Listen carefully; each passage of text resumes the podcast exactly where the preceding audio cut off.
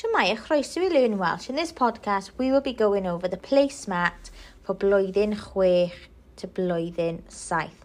This placemat is to be covered in year six, ready to go up to high school in year seven.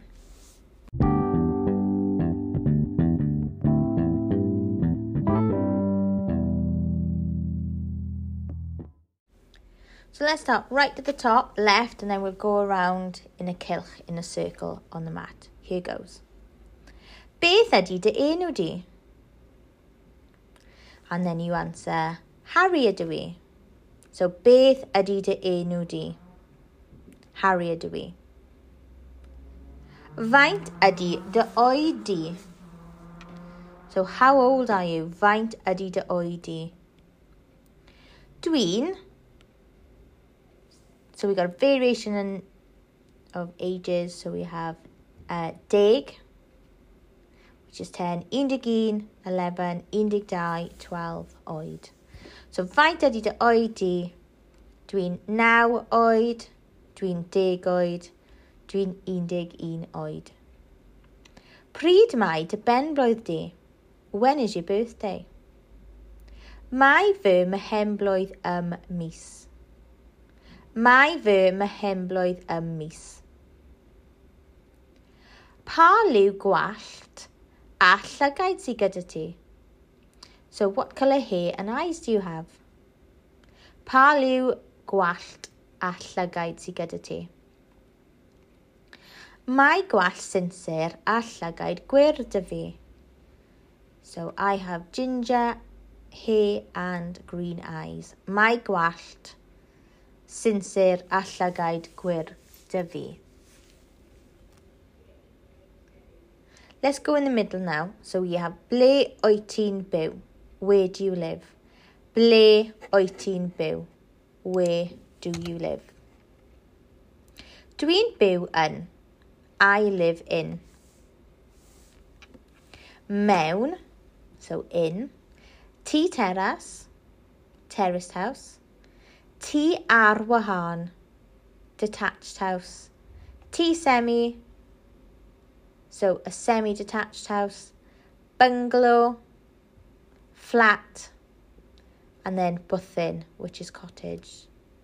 So ble ti'n byw, dwi'n byw yn, so where do you live, I live in, and then you can say what type of house you live in, mewn tŷ teras, tŷ ar wahân, tŷ semi, bungalow, flat, and then button. On the top right, we have E bar ysgol gynradd AST. AS i'r ysgol gynradd. So what primary school did you go, did you go to? So you'll be able to use this in blwyddyn saith, year seven. E bar ysgol gynradd AST. So AC i'r ysgol gynradd. And then you fit in your primary school. So Bedwas, Machen, Tinwyn, Gwraig I bar ysgol oed ti'n mynd nawr? So which school do you go to now? So if you're in blwyddyn chwech, you would say dwi'n mynd i'r ysgol gynradd I go to, and then you put your primary school. If you're in high school, dwi'n mynd i'r ysgol uwchradd bedwas. So it's ysgol uwchradd bedwas. Pwy sy yn y teulu? So who's in your family? Mae blank yn fy naili i. Okay, so you can do a list. So if it was me when I was growing up, it would be my mam, tad, brawd, chwaer, a fi and i. So I've said that my mother, my father, brother, sister, and me. If you want to extend, you can say or enw, called, and then you can share their names as well. So in the box we have Llys Fam, so stepmother, Llys Dad, stepfather, gofalwr, carer. It could be auntie, uncle, mamgi, grandmother, tadki. Bottom right, oes anifail anwes dy ti? So do you have a pet? Oes mae blank gyda fi? So yes, I have. So you make a list. So if it was myself, oes mae tair cath a ci gyda fi, so I have three cats and a dog. If you don't have any pets, nac oes, does dim anibai lanwes gyda fi. Beth wyt ti'n hoffi? So, what do you like? Loads of different ways that we can answer this. So, dwi'n hoffi, I like. Dwi'n mwynhau, I enjoy. Dwi'n dwliar, I really love. Dwi'n caru, I love if you want to do a bit more mature sentences, yn fy marn i, in my opinion. Dwi wrth fy modd, I'm in my element. Dwi'n meddwl bod, I believe that. I think that, sorry. Next question, beth dwi ti ddim yn hoffi? So you've got, dydw i ddim yn hoffi, for I don't like. Dwi'n cysau, I hate.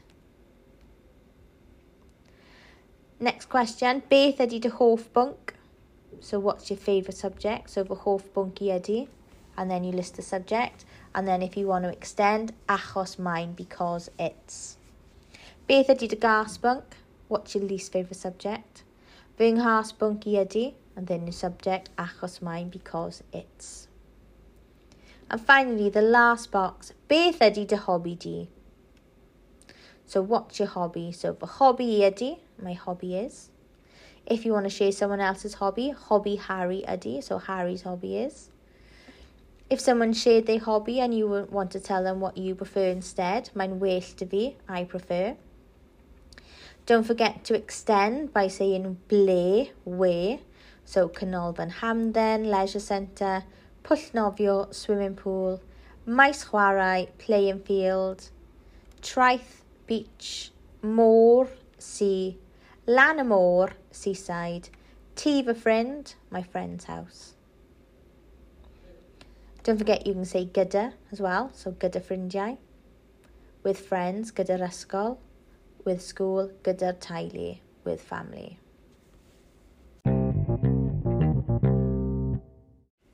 Diolch yn fawr iawn am rando.